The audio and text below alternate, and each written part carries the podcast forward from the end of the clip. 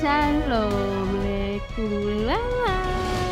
שלום לכולם, שלום שלום וברוכים הבאים לפרק 13 של זה מה שזכרתי. אה, עוד פעם פרק special, אה, כי מרגיש לי כאילו כל פרק כבר נהיה פרק אה, special. אבל הפעם אנחנו עם פרק לחג השבועות, חג החלב, אז אנחנו נעשה את אה, צ'ארלי בממלכת אה, השוקולד, ככה כדי לחגוג את, ה, את המאורע. פרטי רקע, לפני שניגש ל- לסרט ומה אנחנו חושבים ולכל העלילה, אז אני אתן את הרקע. אה, הסרט יצא ביולי 2005, אז לפני אה, 18 שנה, שהיה לי מוזר שזה יולי, כי זה סרט שהוא הוא בחורף, אז מתאים לו לצאת בחורף, להיות איזה סרט Christmas. אזור ה Christmas, גם מג- מקדש כל מיני ערכים של משפחה, אה, ודברים כאלה, אזור Halloween, Christmas, יותר באמת סרט של סתיו וחורף. כן, זה די מפתיע שזה מה שהם עשו, אבל אה, אה, קיץ זו עונה משתלמת כלכלית, כמו שגם ה Christmas. הבמאי זה טים ברטון.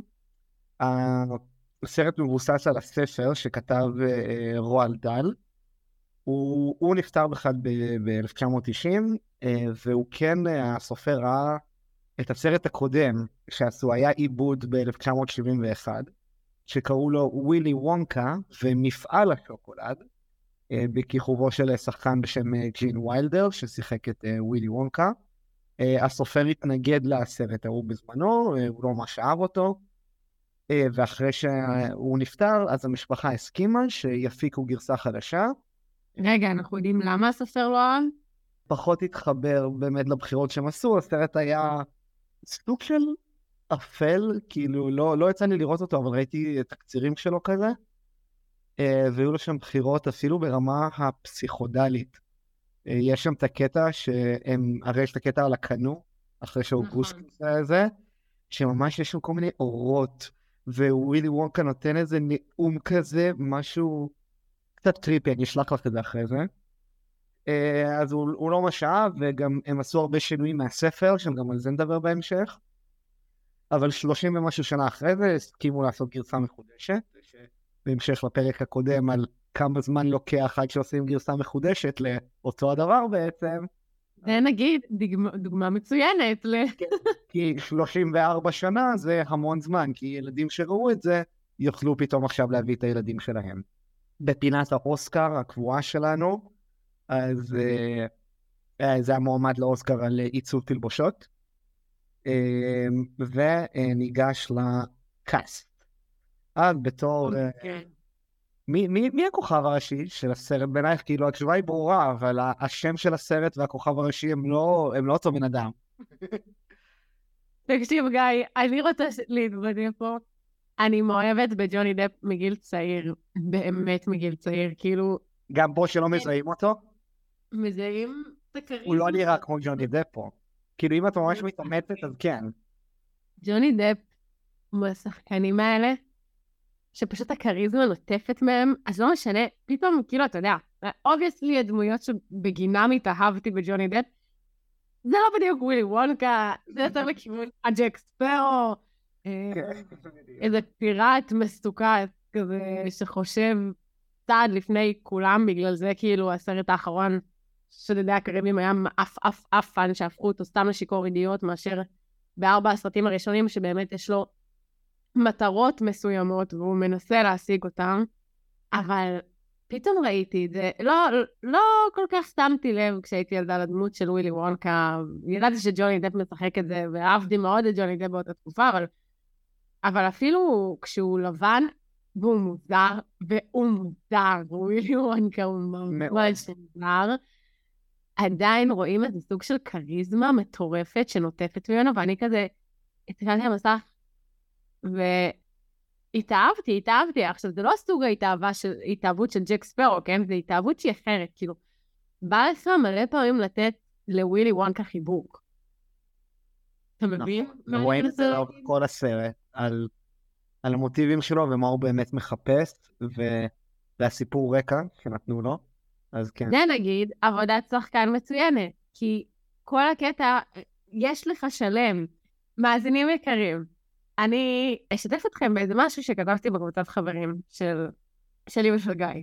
שאני חושבת שהבעיה היום של מארוול מעבר, מלא עשו על זה סרטונים, אלילנו של הפודקאסט גלגולן, האב הרוחני. כי אני לא מסכים עם גיל גולן הרבה פעמים. אה, כל מיני חבר'ה שעושים ביקורות על סרטים וזה, וכולם הניחו את האצבעות במקומות מאוד נכונים.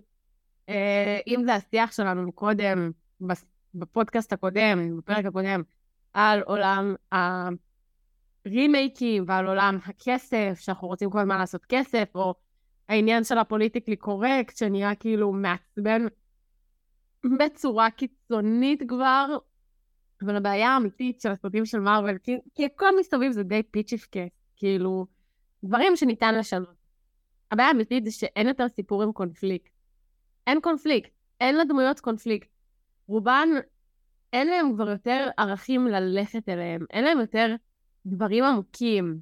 אה, רובם מבולבלות, אם נחשוב על זה רגע, סקוט בקוונטומניה מבולבל, הוא לא מצליח למצוא את עצמו אחרי שטאנוס, אה, אחרי שהוא ניצח את טאנוס. תור מבולבל, הוא לא יודע מה לעשות עצמו, הוא מטייל עם שומרי הגלקסיה, ואז מפסיק את שומרי הגלקסיה, ואז הוא הולך לבקר את הבת זוג שלו, והיא מתה, אנשים מבולבלים. עכשיו, זה לא שזה לא בסדר לעשות סרטים על אנשים מבולבלים, זה בסדר גמור, אבל איזה בלבול שונה זה הבלבול של תור לעומת הבלבול שהיינו רואים אצל טוני סטארק. שטוני באמת נקרע בין להשאיר את, הש... את, את מה שיש לו בחיים האלה לבין להיות גיבור ולהציל את האנושות. הוא תמיד שילם מחיר, כל פעם שהוא חזר לאבנג'ר. כל פעם, מחדש. הוא איכשהו, הייתה לנו כבר בדיחה, הוא הצליח לשקם את החיים שלו, ואז קפטן אמריקה הזין הזה בא והוריס לו הכול. וזה קונפליקט. כשאתה רואה את טוני יושב והוא אומר, אני, אני יכול לאבד את, ה, את, ה, את הבת שלי ואת אשתי, אבל אני חייב את זה בשביל פיטר.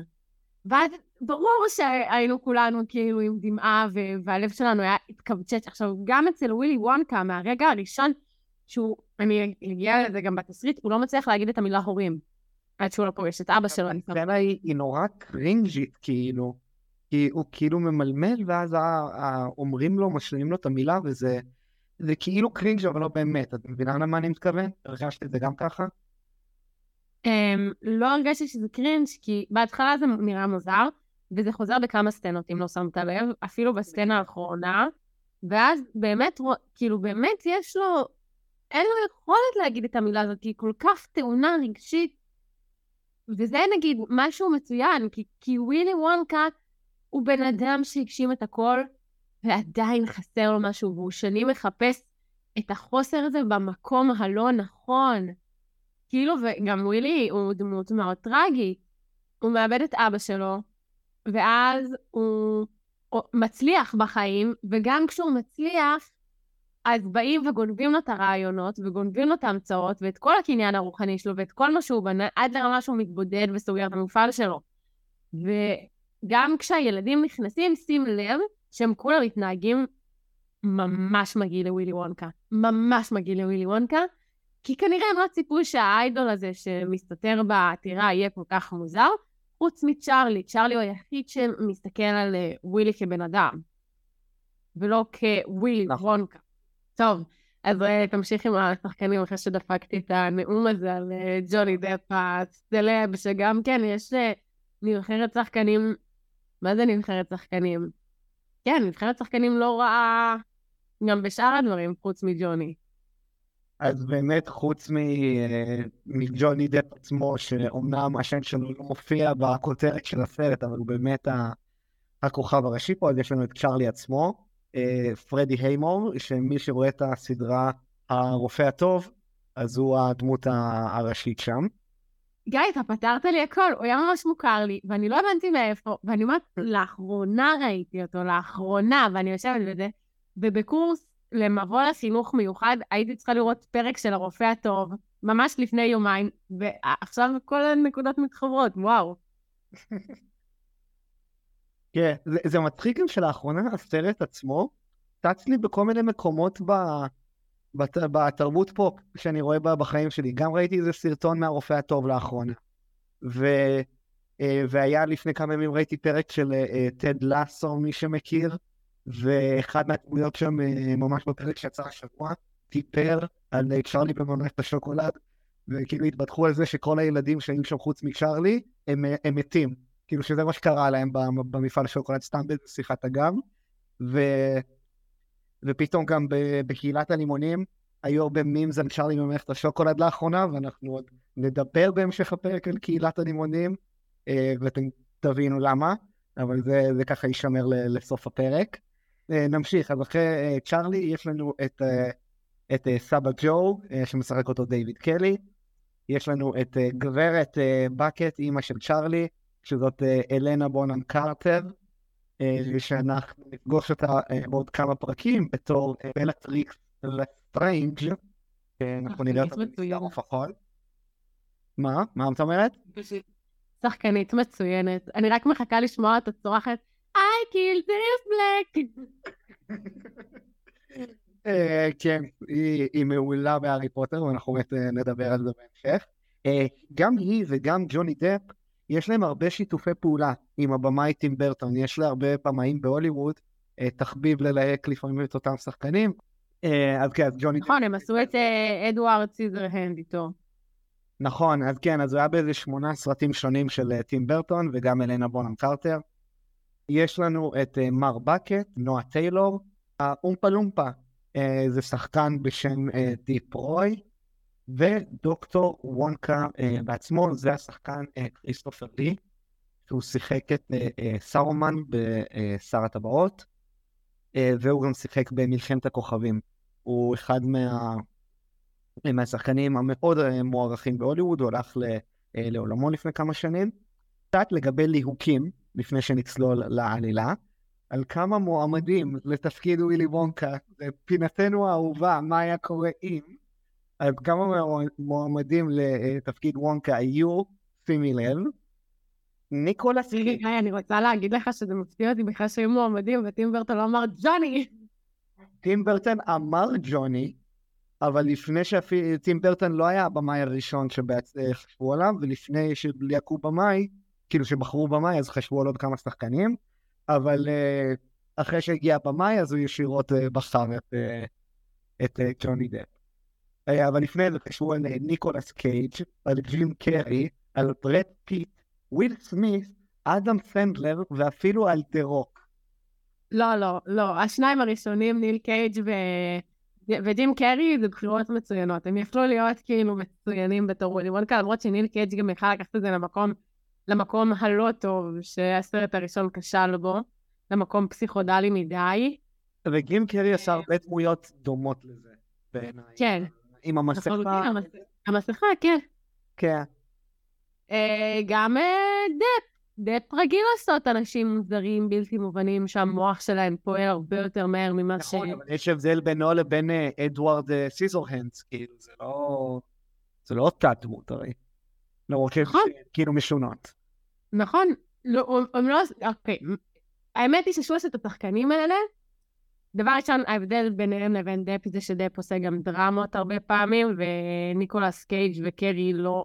כאילו גם אם הם עושים דרמה הם עדיין מאוד מוזרים וקרקי. העניין שלהם, דפ הוא, הוא מה שנקרא בשפה המקצועית שחקן אופי. כאילו הוא יכול לעשות לך דמויות מאוד מאוד מאוד שונות בתכלית שלהם, שאתה כאילו מסתכל עליו ואתה אומר, זה לא אותו בן אדם, אין סיכוי, אין סיכוי. לעומת קייג' וקרי, שלהם יש טביעת אצבע מאוד מאוד מאוד מאוד דומה. כאילו הם, הם מאוד, דמויות של ג'ים קרי והדמויות של ניקולס קייג' הם יחסית דומות אחת לשנייה. יש להם דמיון הרבה יותר נכון.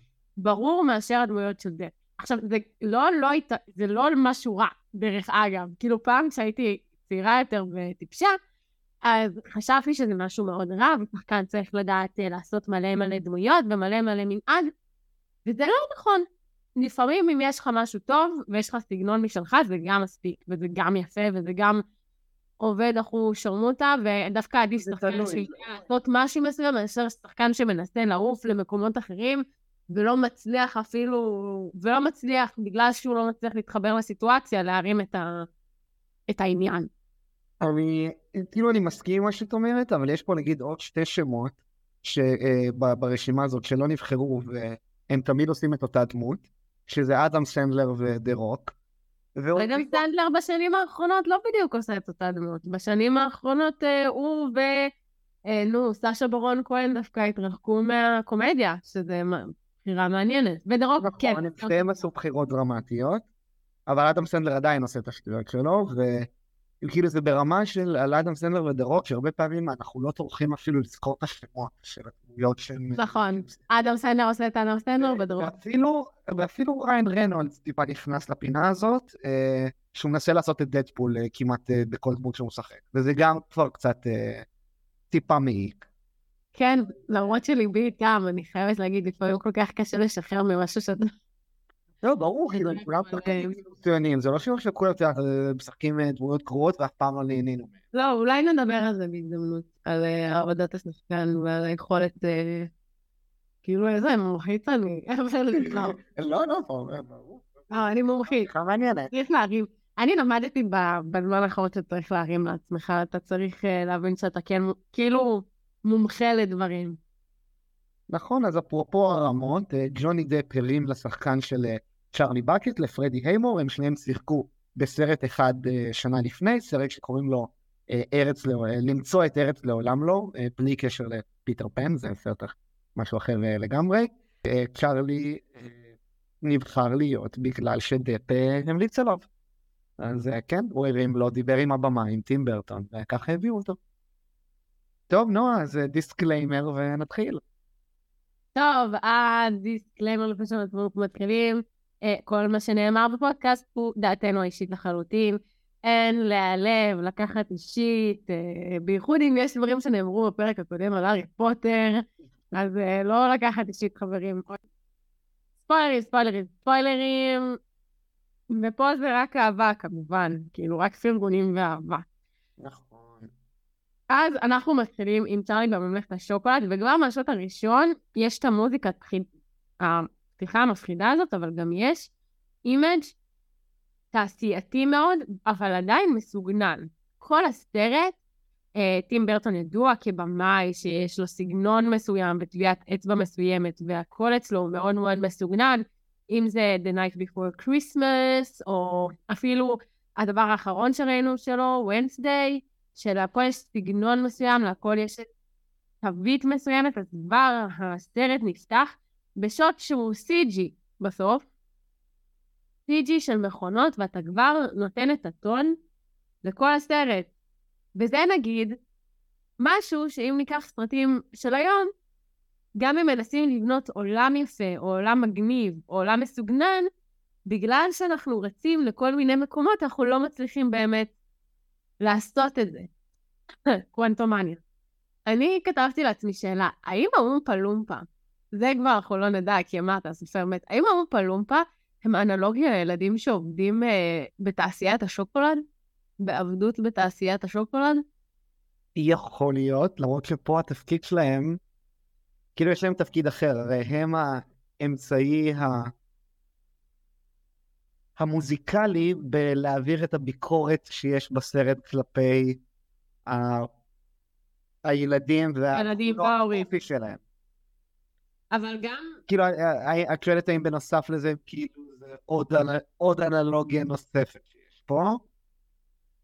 לא מדברים יותר מדי על התנאים שלהם, כאילו פה הוא סוג של המושיע שלהם, מה זה מושיע? כאילו תכל'ס לא אמרו מה היה הסטטוס שלהם שם במדינה הזאת שלהם, כאילו פשוט אמרו שהם... לא, אמרו בעצם שהם התאמצו לקבל את ה... הרי לקחת את ה... הפולי שוקולד, כן. את הפולי קקאו, אז... כן, אבל עדיין, כאילו, אתה מבין, ולא יודעת, כאילו, גם קטנים. יכול להיות, יכול להיות, כן.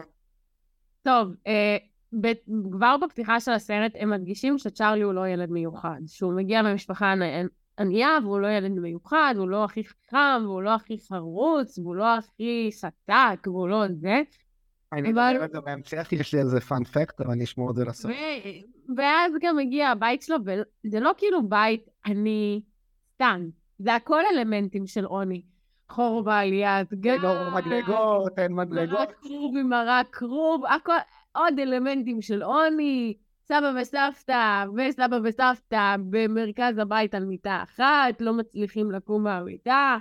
ואז ווילי וונקה מתואר, כאילו ישר אה, סבא של אה, צ'ארלי מתחיל לספר על אה, ווילי ועל הדרך שהוא עבר ועל איזה גאון הוא ועל כל הדברים ההזויים שהוא עשה עם, השוק, עם השוקולד וזה, רואים את ההמצאות הראשונות שלו של הציפור שבוקעת מביצת שוקולד וכל מיני דברים כאלה, ואז מגלים שבעצם ככל שהוא יתרחב, ככה נהיו אנשים יותר, אה, יותר אה, חמדנים. גם סיפרו איזה, סתם סיפור על איזה משהו הזיה על טאג' מהאל משוקולד.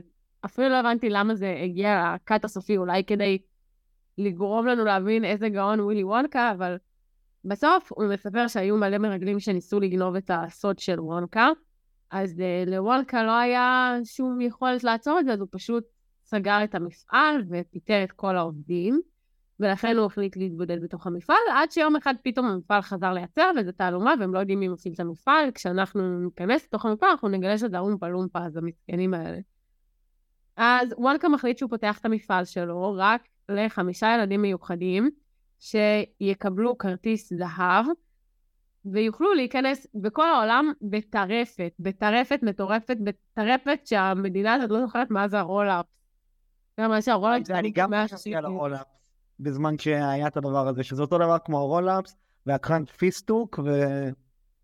שההיסטוריה חוזרת על עצמה. באמת, אנחנו בני אדם מאוד לא חכמים, וזה מדהים כמה טרנד, כמה טרנד בעצם יכול להרוס לנו אתה זוכר שקנו פעם קראנץ' פיסטוק אחד ב-100 שקל? על חמישה קראנץ' פיסטוק אנשים שילמו 500 שקל? באיזה עולם? באיזה עולם? אבל זה בדיוק גם מה שהרבה מהדמויות מבטאות. כאילו את העניין שיש אנשים שיכולים להשיג דברים כי כסף זה לא פקטור אצלם. ברור שהם יכולים להשיג אנשים. ורון כאן דווקא חיפש את הילד בר המזל. הוא לא חיפש את זה ש... את, אה, את הילדה הזאת שהיא כל כך עשירה, אז פשוט קנו את כל, כל התוצרת של המפעל, אנחנו נגיע לזה. אמ, לכל ילד יש פאק, חוץ מצ'ארלי. כל ילד יש לו איזה משהו שבגללו הוא זכה בכרטיס, וצ'ארלי הוא היחיד כביכול שהוא מתוך pure luck, רק נטו מזל, הצליח להגיע למפעל. אה, בכל מקרה, אז הילד הראשון שמקבל את הכרטיס, הוא ילד גרמני שמן, אוגוסטוס, שהוא היה קריקטורה רצינית לילד גרמני שמן, שאבא שלו מכין כל היום נקניקיות. ורוקה, ורוקה. ורוקה. נכון? ורוקה. זכרתי שהם מבטאים את זה אפילו לא ותיק. ורוקה עשירה, מעצבנת, אבא שלה בעצם גרם לכל המפעל שלו של האגוזים לעבוד ולפתוח חפיסות שוקולד עד שהם הצליחו למצוא את הכרטיס. הילדה השלישית היא ויולט, הספורטאית, שהיא כאילו כביכול אה, סופר, כל הזמן מקבלת מדליות, אה, היא ספורטאית מטורפת ושטויות כאלה.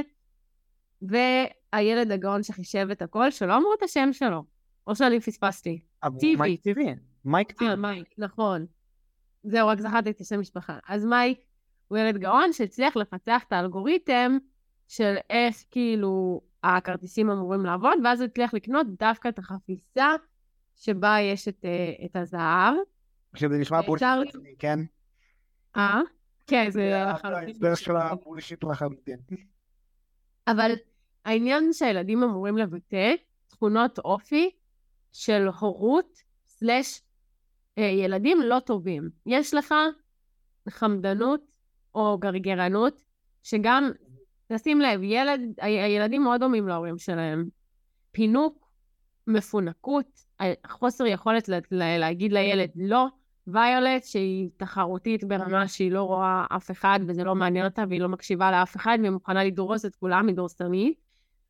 ומייק, שהוא בעצם חושב שהוא יותר חכם מכולם, ולא מפסיק לקרוא להורים שלו מטומטמים, לשאר הילדים מטומטמים, וגם לווילי וונקה מטומטם. כל הזמן אומר לווילי וונקה שהוא לא מבין שום דבר בחיים שלו. אמ, אז בעצם כל ילד כזה מייצג תכונת אופי רעה, שאתה רואה גם איך הם ירשו את זה מההורים שלהם. כאילו, איך ההורים שלהם גרמו להם לגדול לאותה תכונת אופי מחורבנת. אנחנו ממשיכים. צ'ארלי בהתחלה מקבל חפיסת שוקולד ליום הולדת, לא מוצא בה את הכרטיס זהב. אחרי זה סבא שלו נותן לו כסף כדי לקנות עוד חבילה. גם בחבילה הזאת הוא לא מוצא כרטיס זהב, ואז הוא מוצא קצת כסף בערימת שלג, ואומר, טוב, זה הניסיון האחרון שלי, כבר כל ארבעת הכרטיסים האחרים נמצאו, קונה חפיסת שוקולד והוא בר מזל. כאילו, הוא באמת על מזל נטו הצליח לקבל את החפיסה הזאת, וישר אנשים קופצים עליו ואומרים לו, תמכור לי את הכרטיס, תמכור לי את הכרטיס, וגם כשהוא מגיע הביתה הוא אומר, אולי אנחנו נמכור את הכרטיס ואני לא אלך למפעל של וונקה. פיטרו את אבא שלו. פיטרו את אבא שלו, נכון, מהמפעל של, ה... של השיניים, של הזה של השיניים. ואז סבא וסבתא שלו מהצד השני אומרים לו, לא, אתה חייב ללכת על זה ואתה חייב לעשות את זה. אמ, בו זמנית, כמו שאמרת, גיא, אבא שלו מפוטר והוא מוחלף במכונה שעושה את השטות הזאת של לשים את הקק על, על, על המשחות שיניים. והם בעצם uh, מחליטים שסבא של uh, צ'ארלי ילווה אותו יום למחרת למפעל שוקולד עכשיו, אני חייבת להגיד, צ'רלי לא חושב עסקית, כי אם אתה זוכר, הפרס היה, זה, זה היה לצאת עם כמה משאיות של ממתקים, נכון? כל ילד יוצא עם כמה משאיות של ממתקים. הם רואים את זה שכל חמשת הילדים מקבלים את זה, בלי קשר לפרס. כן, בלי, בלי קשר, וילד אחד יקבל עוד פרס מיוחד. עכשיו, למה שתמכור את הכרטיס לחתיכת ידיעות ועוד בשביל 500 דולר? תמיד, זה רווח נקי המשאית הזאת, אתה לא חושב כלכלי. רואים שאתה לא, לא ישראלי. אתה לא ישראלי, רואים שאתה לא ישראלי, רואים שהמקום הזה הוא בין אירופה לארה"ב, משהו מערבי. חושב תמים, אומר, אני אמכור את הכרטיס. לא, הוא מביא לך משאיות מפוצצות בשוקולד מתנה, לך תמכור, רווח נקי, בשחור.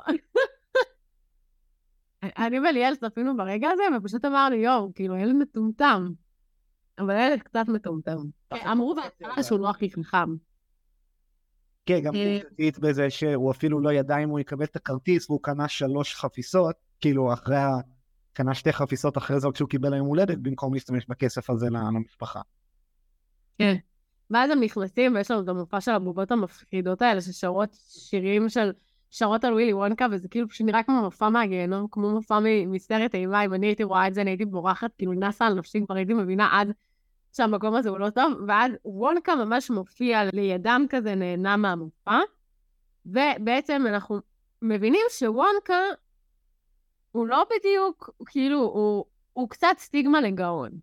בסדר, הוא מנסה בהתחלה להיות נחמד אליהם, יש לו את הכרטיסיות האלה שהוא אמור כאילו להגיד להם דברים יפים ונחמדים, ואז אנחנו כבר מגלים שהוא קצת סושיאל אוקוורד, שלא, בני אדם לא תמיד הכי מבינים אותו עד הסוף, שהוא לא באמת נחמד. הוא לא באמת נחמד, הוא מאוד מזלזל בכל שאר הילדים, חוץ מצ'ארלי. כי הוא יודע, בהתחלה הם אומרים לו, בוא נציג את עצמנו, כאילו, בוא נגיד לך מי אנחנו, ואז הוא אומר, לא, אין צורך, זה לא ישנה שום דבר, ואז לאורך הסיור אתה מגלה שהוא מכיר את כולם. הוא כבר עשה את הריסרט שלו, מי הילדים האלה. הוא גם אמר לצ'ארלי, אתה, אתה, אתה פשוט יש לך משהו שאתה פה.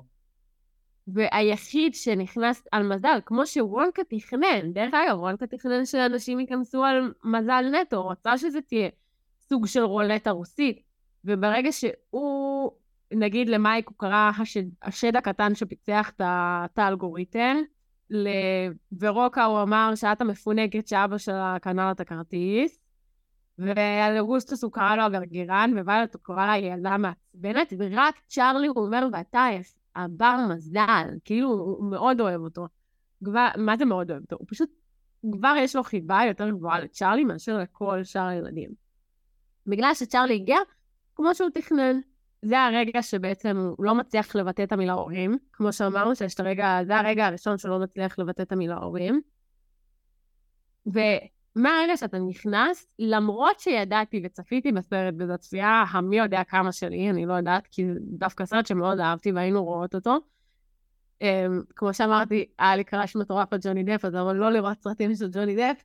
Um, עד היום, דרך אגב, um, אבל הכל מסתובב. רגע, רגע, פרט אקטואלי רגע, ש... אחרי הרבה זמן שלא היה לו סרט, אז uh, הציגו עכשיו סרט חדש שלו ממש לפני כמה ימים בפסטיבל uh, כאן. הוא היה נכון. הסרט הפותח, ואז היה, uh, הוא ממש קיבל מלא מחיאות כפיים בסוף הסרט, היה ממש standing uh, ovation של איזה חמש דקות, וממש כולם דיברו עכשיו על זה שהוא מתחיל את הקאמבק שלו, אחרי כל הסאגה שהיה עם אמבר הרד. אבל גם את זה מצאו איך להרוס, כי בתמונות שצילמו אותו משם, רואים שהשיניים שלו אה, נראות אה, מלוכלכות וזה, אז אמרו שהוא לא, שהוא לא מטפח את עצמו, הוא מזניח את עצמו. אז עדיין אנשים מנסים אה, להכניס לו. לא משנה מה, כאילו, אנשים מנסים להכניס לו. אה, אבל מה שרציתי להגיד על הסרט, שעדיין נוספת אותו כל הזמן אווירת מסתורין. עדיין, כאילו, אתה יודע לאיזה חדרים הילדים הולכים להיכנס, ואיפה כל אחד הולך ליפול, ועדיין כל פעם שעברנו מחדר לחדר, המעבר היה קסום, והמעבר היה כל כך מסתורי. וזה הרבה עבודה של דפ.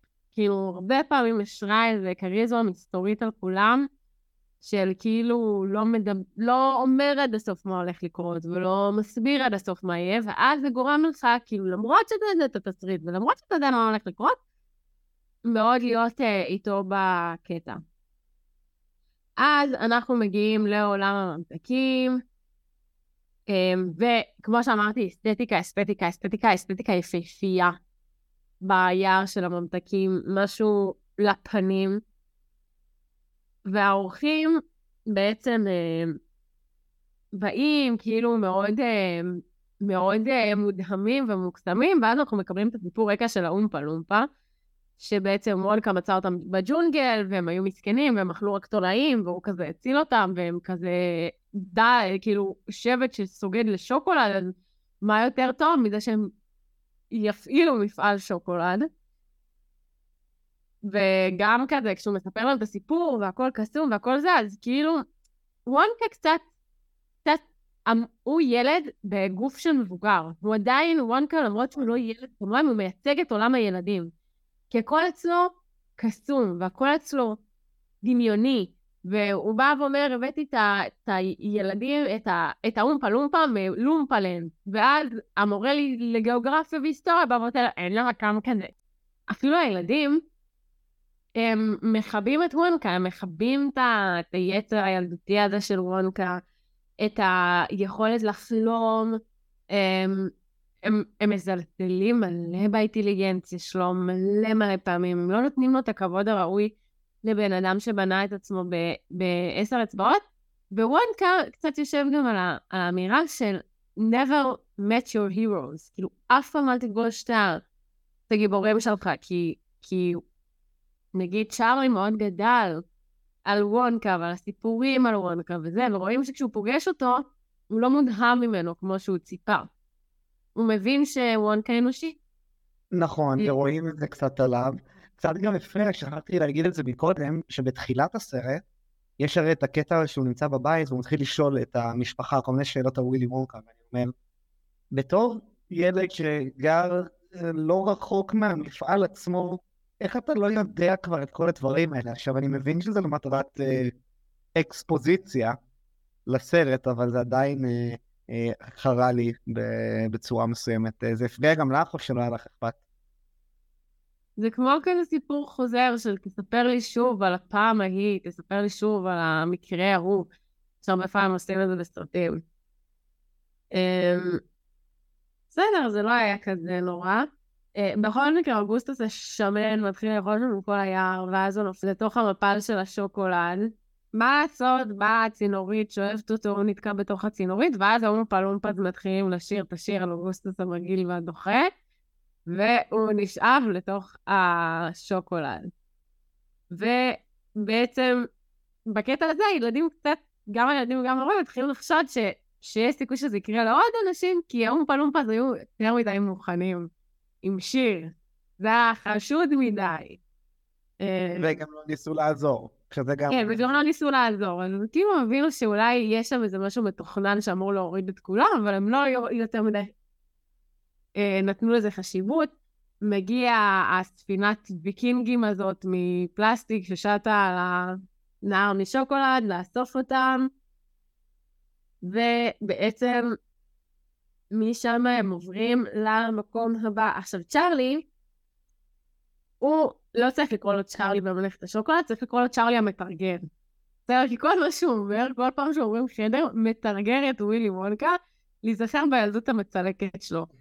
מה אנחנו בעצם למדים? בסדר, לא אעבור על כל פעם על כל הפלשבקים שלו, אבל בכללי, ווילי הוא ילד של אה, רופא בכיר אה, לרפואת שיניים, הוא מסתובב עם דבר מאוד מביך על כל הפרצוף, עם איזה פלטה מכוערת כזאת שאמורה לצאת לך את הפנים, את השיניים, את הלא יודעת מה, והוא, כל הילדות שלו לא הורשה לאכול ממתקים, לא שוקולד, לא טופי, לא כלום, כי זה הורס ופוגם אה, את השיניים, ואבא שלו היה מאוד נוקשה בעניין הזה, ואז וונקה סיפר לו בעצם שהוא רוצה להיות אה, chocolatier, ושיהיה לו מפעל שוקולד, והוא אמר לו, אף ילד שלי לא יהיה chocolatier, ואז וואנקה אומר לו, טוב, אז אני אברח מהבית, ואז הוא אומר, סבבה, תברח מהבית, אבל כשתחזור הבית לא יהיה. ו literally, וואנקה הולך לתחנת רכבת או משהו, והיא סגורה, וכשהוא חוזר הבית באמת לא נמצא שם. וזה כאילו הטראומה של, אה, של אה, וואנקה, בקצרה. כאילו, מאז הוא לא פגש את אבא שלו יותר. ובעצם זה נותן לנו הצצה לקונפליקט של וואנקה, שבסוף הוא אמנם הגשים את כל החלומות שלו ואת כל מה שהוא רצה, אבל כל הזמן אנשים בגדו בו לאורך הדרך. אם זה אבא שלו שפשוט הסתובב לו את הגב, ואז האנשים במפעל שלו שמכרו את הסודות של, של, שלהם, או אפילו הנסיך ההודי הזה שלא הקשיב לוונקה וחשב שהוא יכול לחיות בתוך הארמון המכוער הזה. בעצם, ומה ש... היית רוצה להיות שם? אם זה לא היה נמס. לא היית רוצה ללמוד משוקולד שהיא תוכל לאכול אותו? זה נשמע לי דוחי, זה כאילו צובר אבק. זה שוקולד עם אבק. בסדר, נו, תתעלמי רגע מזה ששוקולד יכול לקרות לו. נגיד... קשה לי, קשה לי הקונספט של אוכל, כאילו של דברים שעשויים מאוכל, כי, כי זה צובר אבק וזה נמצא וזה מתחמצן בחמצן. קשה לי. ובתור מישהי שמאוד מאוד אוהבת לבשל, ומאוד אוהבת לעשות את הדברים האלה, לא יודעת, לא הייתי רוצה עכשיו בית ממולאים. טוב, פחות קוסם לי, מה אני אעשה? אני רק חושבת על האבק, על זה שזה נדבק לשוקולד. על זה שאי אפשר לנקות את זה, זה דוחה. יואו, זה דוחה. אנחנו נמשיך. הם מגיעים לחדר הבא. בו uh, יש כזה חדר ההמצאות, כל ההמצאות החדשות של וונקה, ובעצם הוא מראה להם כל מיני המצאות ממש ממש מגניבות, ברמה של כאילו המאסטיק הזה שתכלס יכול לפתור רעב עולמי. כל ילדים יורדים עליו חוץ מצ'ארלי. כי רוב הפתרונות שלו קשור, קשורים נגיד ל, לעניין של רעב, לעניין של לילדים שאין, נגיד הוא מוציא להם איזה סוכריית מציצה ש, שמחזיקה 30, כאילו 360 יום. ואז הוא אומר, מי שאין לו כסף אז הוא יכול לקנות אחת ולפנות עליה השנה.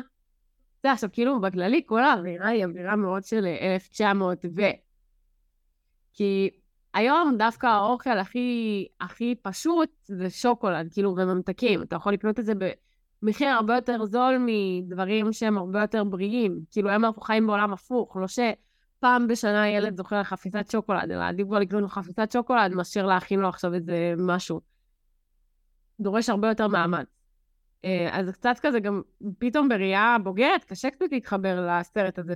כאילו, אם פעם באמת שוקולד היה משהו מאוד מאוד יקר, ובאמת היו קונים אותו רק באירועים מיוחדים, או פעם בשנה, כמו שבאמת היה פעם, היום זה כבר לא ככה, זה אין, כל פעם שאני חוזרת שיכורה מזה בילוי, קונה לי איזה הרשיז.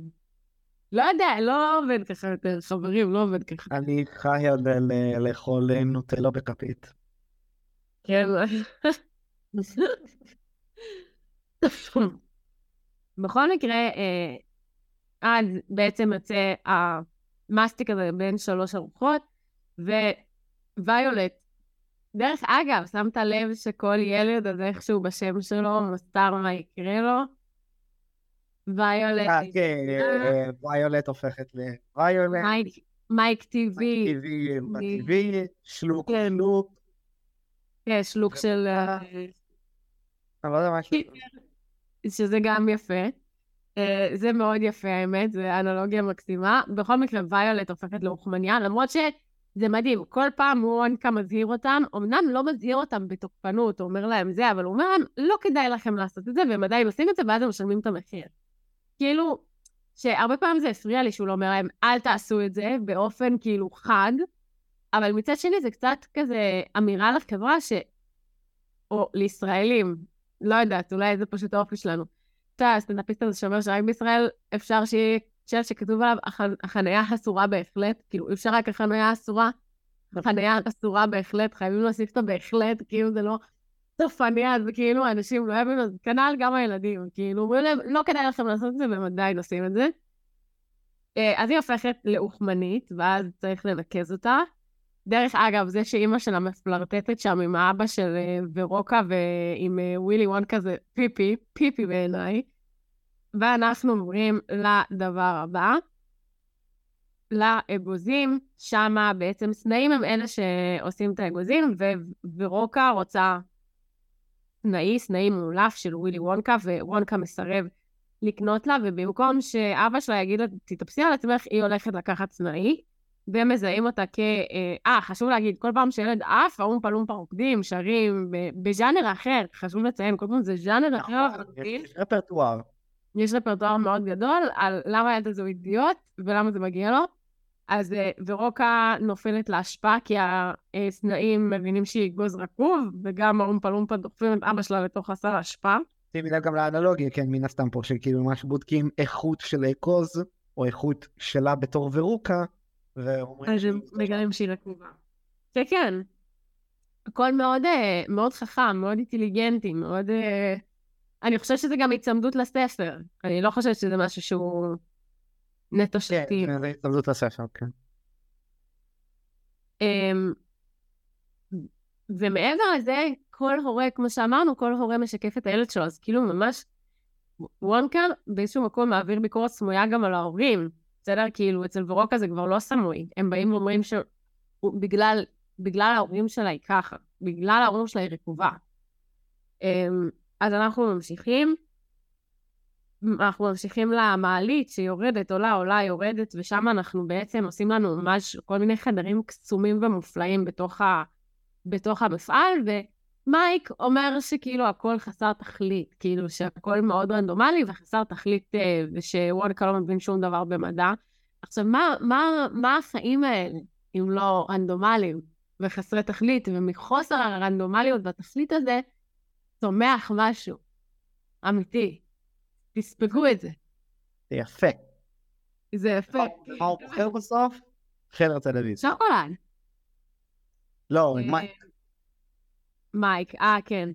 ואז הם מגיעים, הנה, עכשיו זה רגע מפלתו של מייק, הם מגיעים לחדר טלוויזיה, מייק, אה, כמו שאמרנו, כל, כל הסיבוב במפעל מזלזל מאוד באינטליגנציה של אה, וונקה, ואז מראה לו איך הוא מצליח לשדר שוקולד דרך הטלוויזיה. שזה החלום של כל בן אדם בעולם הזה, באמת, כאילו, מאז שראיתי את הסצנה הזאת, חלמתי על היום שהצליחו להמציא משהו, משהו כזה. ואז מייק מבין שוונקה הצליח לפצח את היכולת, לת... כאילו, לטלפורט, להשתגרות. נכון, בגלל זה אני חושב שהוא פחות מזלזל באינטליגנציה שלו, יותר מזלזל בבחירות שהוא עושה ובמיקוד שלו. במה הוא לא, כן את ה... הוא מזלזל באינטליגנציה שלו, כי הוא אומר לו, אתה כזה טיפש שלא שמת לב בכלל שהמצאת את הטלפורט, כאילו. אתה המצאת את המצאת האנושות, במקום שאומר לך, זה שוקולד, אתה כאילו כזה טיפש, כאילו הוא אומר לו ממש, הוא טיפש. אמ, ואז מייק, למרות שהוא ראה מה קרה לחפיסת שוקולד, כן, הוא ראה שהחפיסת שוקולד קטנה בהרבה מאוד ממדים, הוא עדיין מחליט לשגר את עצמו לתוך הטלוויזיה, ושם גם פלומפה צוחקים עליו שהוא אידיוט, ששם זה היה הומאז' ללהקות רוק, ראית? זה היה... היה שם את בויגן רפסודי ואת הביטלס, והיה שם אה, רפרנסיה, כן. כמו שאמרנו, לקווין. היה ממש יפה. של מייק נראה לי היה הכי יפה. אנחנו אה, נדבר על זה, גם שאלה ששאלו אותנו. בכל מקרה, מה שקורה זה שצ'ארלי נשאר אחרון, ווונקה מבין את זה, ואז אומר לו, אתה זכית, ומסתבר שבאמת כאילו יש אשכרה פרס, ואז הם עולים ונפלטים כזה עם המעלית מחוץ ל... מחוץ למפעל, וזה משהו שוונקה מסתבר מלא זמן רצה לעשות, הוא מלא זמן רצה לצאת מהמפעל, מלא זמן הרגיש בודד, אבל בגלל שכל החיים שלו, אנשים בגדו בו, הוא לא, הוא לא הרשה לעצמו לצאת עד שהוא לא ימצא את היורש שלו. ואז הוא מצא את צ'ארלי, את היורש שלו, ואז אנחנו בעצם יוצאים עם המעלית, ורואים מה קרה לכולם. אוגוסטוס אה, מלא בשוקולד, ויולט אמנם סגולה, אבל היא עכשיו מאוד גמישה, כי יש לה איכויות של מסטיק. ורוקה ואבא שלו פשוט מלאים בחרא, במלא זבל ואיף. רגע. כן, והילד הוא דו-ממדי כזה, מייקי משתרך שם אה, כמו שרוך, כי בעצם שמו אותו בזה של הטופי, במעריך טופי. ואז וונקו אומר לו, טוב, בעצם צ'ארלי, הפרס שלך זה להיות היורש שלי, אבל אם אתה רוצה להיות היורש שלי, אתה חייב להיפרד מהמשפחה שלך ולבוא איתי למפעל. וצ'ארלי מסרב. צ'ארלי מעדיף את המשפחה שלו על פני כל אושר, סלאש שוקולד, סלאש ממתקים בעולם, ווונקה לא מבין את זה. עכשיו, וונקה לא מבין את זה ממקום מאוד ילדותי.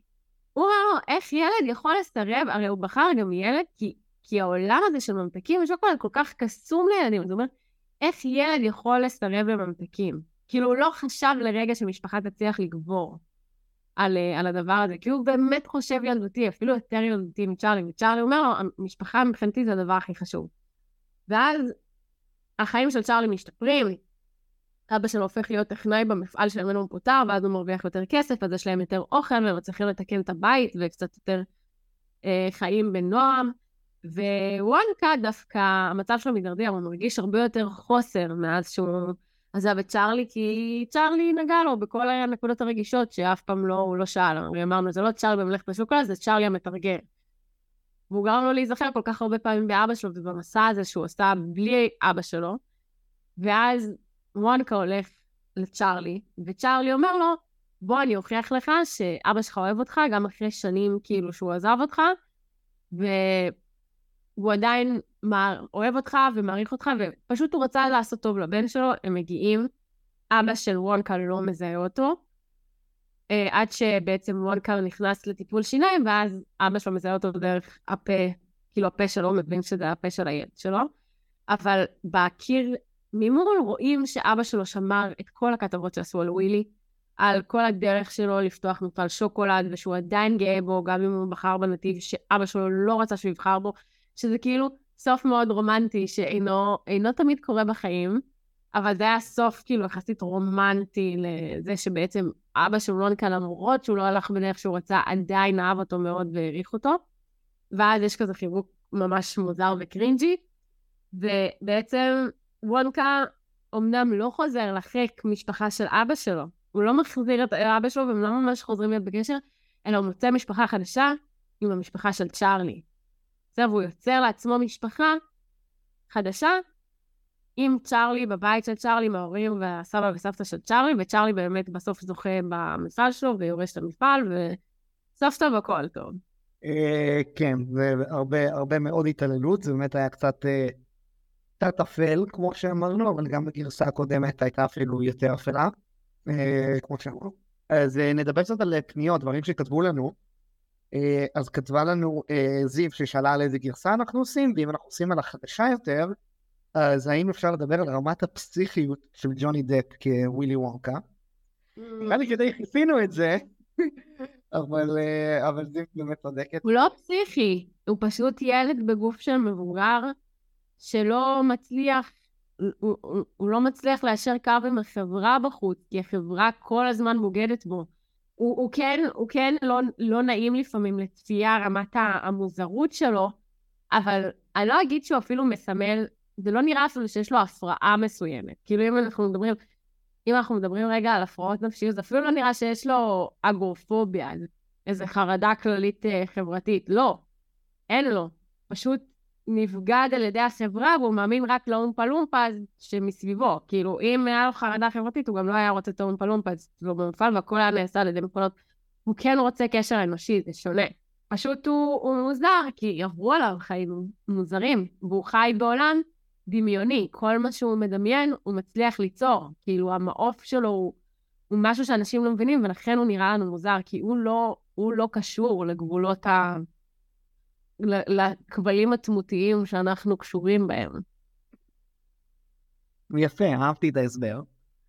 אה, כתבו לנו בנוסף, אה, אנחנו העלינו אה, ריל שעשו בקהילת הלימונים, מהקטע של נועה באירוויזיון, שהיא שאלה, do you want to see me dance? ואז אמרו שזה מה שהאום פלומבה עושים כל פעם שילד נתקע שם בסיטואציה. ושיתפנו את ה reel, ואז זה מה שקרה, הגיבו לנו, שאלנו אם יש שאלות, ואז אמרו כן, ואז אמרו, obviously, הם אמרו שני דברים. אמרו, ההודעה הראשונה, obviously מעבר לוויכוח של איזה שיר הכי טוב, והם אמרו שוורוקה סולט זה השיר שהם חושבים שהכי טוב. אה, מה דעתך? איזה שיר את הכי אהבת? אה, אה, אמרת של מייק? המילים שלו הכי טובות, ורוקה המילים שלו הכי טובות, בגלל שהם ממש מדברים על האישיות שלה. זה ממש מדברים על האישיות שלה ועל ההורים שלה ועל זה שהיא אגוז רקוב, כי באמת אגוז רקוב. מבחינת ז'אנרים ומוזיקה, לפי דעתי הכי טוב היה של של מאי, אה, נטו בגלל הרפרנסים, זה היה ממש נחמד לראות את הרפרנסים האלה, אבל אולי כן, אולי באמת ברוקה במילים לחלוטין מנוצח את כולם. אוקיי, okay, אני אגיד את התשובה שאולי תישמע בנאלית, אבל זה באמת בעיניי, זה התשובה הכי קלאסית, כי זה השיר שבגדול רוב האנשים זוכרים שזה אוגוסטוס פלוק. זה בגלל זה שיר כזה טוב, אני לא יכול, והוא היחיד שבאמת נדבק אליי אה, כולם, ונכון שכל הטענות שאמרת צודקת על המילים ועל הג'אנרים ועל הרפרנסים וכל זה, אבל אפרופו אירוויזיון, מה שדיברנו, הצ'ק צ'ק צ'ק המפגר הזה של, ה... של הפינלנדי. היי, אני מתה על השיר הזה, גיא, יואו, אימא'לה, אני כאילו כל כך נדבק לי השיר הזה. אז כאילו כן, שיר דביק עובד, כן. אז כן, אז אוגוסטוס שלוק זה שיר דביק. אוקיי, אז הם אמרו, אה, מעבר לוויכוח אה, של איזה שיר הכי טוב, אני אמרו, אשמח לדעת איזה שחקן ישראלי הייתם הולכים לשחק את האור בלופה, ולמה זה יגאל אדיקה. הם אומרים יגאל אדיקה כי יש, יש דמיון פיזי בין האומפה לומפס ליגאל אדיקה, ואנחנו מחפשים גם אנשים מצחיקים, נגיד דובי גל ממש יכול לעשות את זה, זה יהיה פיפי.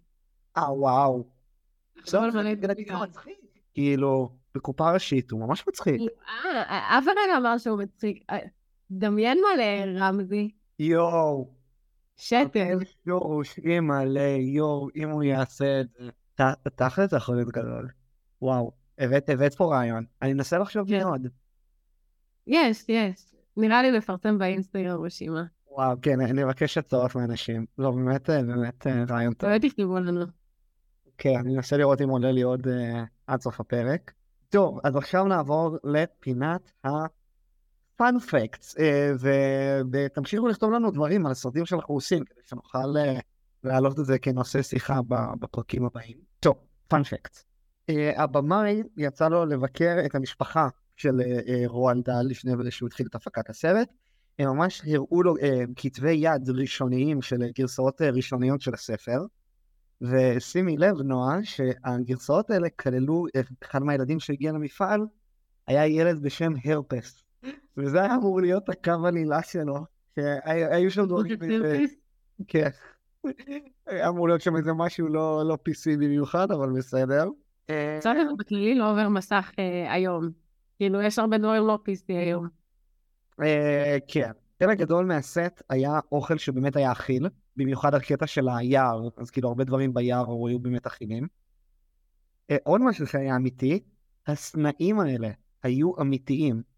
זה לא היה CG, אימנו לא, אותם מלידה, עכשיו זה, אני, אני בהתחלה לא האמנתי, אבל וידאתי בכמה מקורות וזה נכון.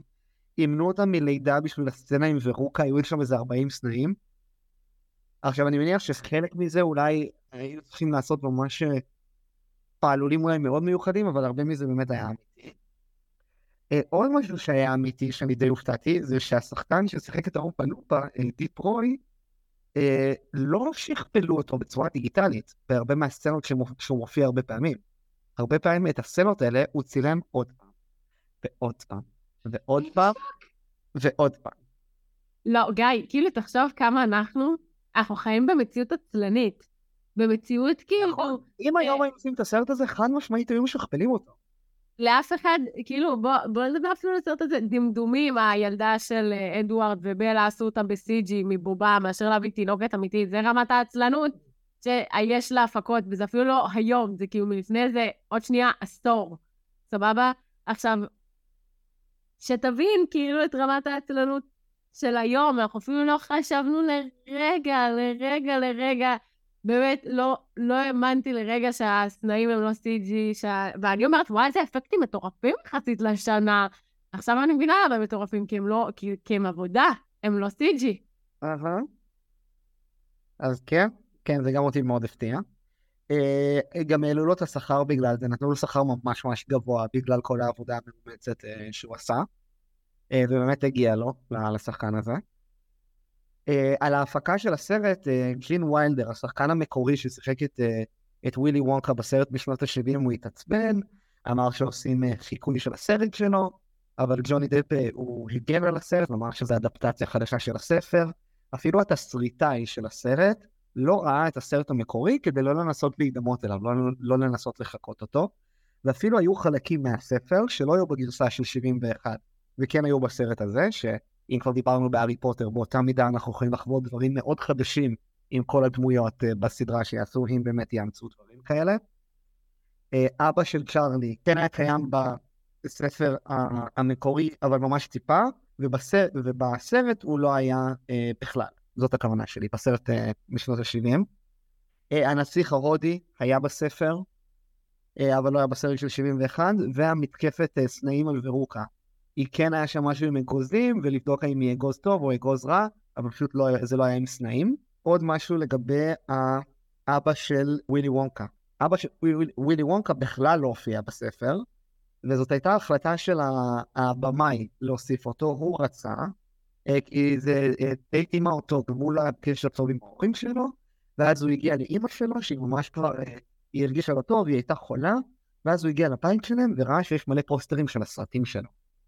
כמו שווילי וונקה ראה שאבא שלו שמר את כל הכתבות עליו. עכשיו קצת על שינויי אולפנים וקצת שינויי הפקה שאוהבים לעשות. שלמזלנו לא עשו, האולפנים רצו שאבא של צ'ארלי, אה, שאמרנו שהזכירו אותו טיפה בספר, לא יהיה בסרט בכלל, כדי שוונקה יהיה הדמות אב של צ'ארלי. עכשיו תגידי לי מה את חושבת על החלטה שכזו. אני חושבת, יש משהו מאוד נהוג בסדרות אנימה, או בכללי בתרבות האסייתית של אבא שלי, שהוא לא באמת אבא שלי, של דמות אב, שלאו דווקא ממלא, ממלא מקום של אבא שלא היה קיים, אלא ממלא מקום של סוג של מאסטר, שהוא סוג של אבא. אה, אפילו, לא, לא ניקח אנימה, בואו ניקח את uh, קונג פו פנדה. יש את המאסטר, והוא לחלוטין ממלא דמות אב בשביל הפנדה, שאינני זוכרת את שמה. הוא לחלוטין ממלא דמות אב, למרות שאבא של דמות הראשית הוא קיים, הוא חי, והוא נושם, אמנם הוא... זה גם היה לפני כמה שנים בשומרי הגלקסיה. בשומרי הגלקסיה 2, שהיה שם את אה, נכון. יונדו והיה את איגו, ואז יונדו אמר לו, אולי, uh, he may have been your father, but he ain't your daddy. כאילו, שיונדו היה האמיתי שלו. אז זה, אה, זה גם לא חייב שצ'ארלי לא יהיה בקשרים טובים. יכול להיות שתי דמויות אב. מה זה דמויות אב? יכולות להיות שתי דמויות מרכזיות. פשוט ווילי וולקה הוא סוג של כאילו סנסיי, איזה מאסטר, שגם דמות אב. כאילו, הבמאי אמר שהוא לא רואה אותו בתור דמות אבא כי הוא לא מתאים להיות אבא, זה לא באופי שלו. זה גם נכון, הוא ילד, כמו שסיכמנו, הוא ילד יותר מכולם שם. נכון, אבל בתור מנטור, וזה זה הוא כן יכול להיות. בעיניי, כן. ועוד משהו שהאולפנים רצו, זה שקרלי יהיה מין ילד, ילד על מחונן כזה, חכם, אבל לא בצורה כמו של מייק, אלא שתהיה לו חוכמה, חוכמה אחרת כזאת, אבל הבמה התעקש שצ'רלי יהיה ילד רגיל, ממוצע, וכזה מחונך כזה, שלא מסתבך בצרות, ו... וגם זה נראה לי הייתה החלטה טובה בשביל הסרט. אה, אחת הסבתות קראה את התסריטים שהיו לשתי הסבתות, והיא בחרה את הגרסה שנותנים בנשיקה לווילי וונקה, ועל סמך זה היא בחרה להיות הסבתא הזאת. ודבר אחד אה, אחרון, יש, אה, אני לא, לא, לא ידעתי את זה, שיש ספר המשך, מסתבר, בשם צ'ארלי ומעלית הזכוכית.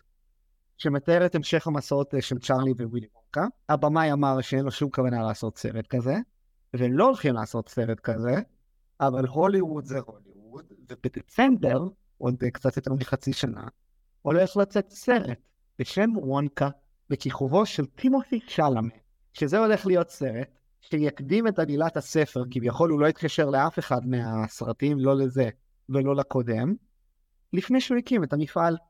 הוא הולך להיות שם אומפה לומפה, שכבר יודעים שישחק אותו אה, שחקן בשם אה, יו גרנט, מי שמכיר אותו. והולכים עוד פעם להתעסק ב franchise הזה 18 שנה אחרי, כ origin story שלו, עם וונקה צעיר. אני לא יודע מה הולך להיות שם, גם אין יותר מדי פרטי עלילה חוץ מזה שיודעים שזה וונקה צעיר.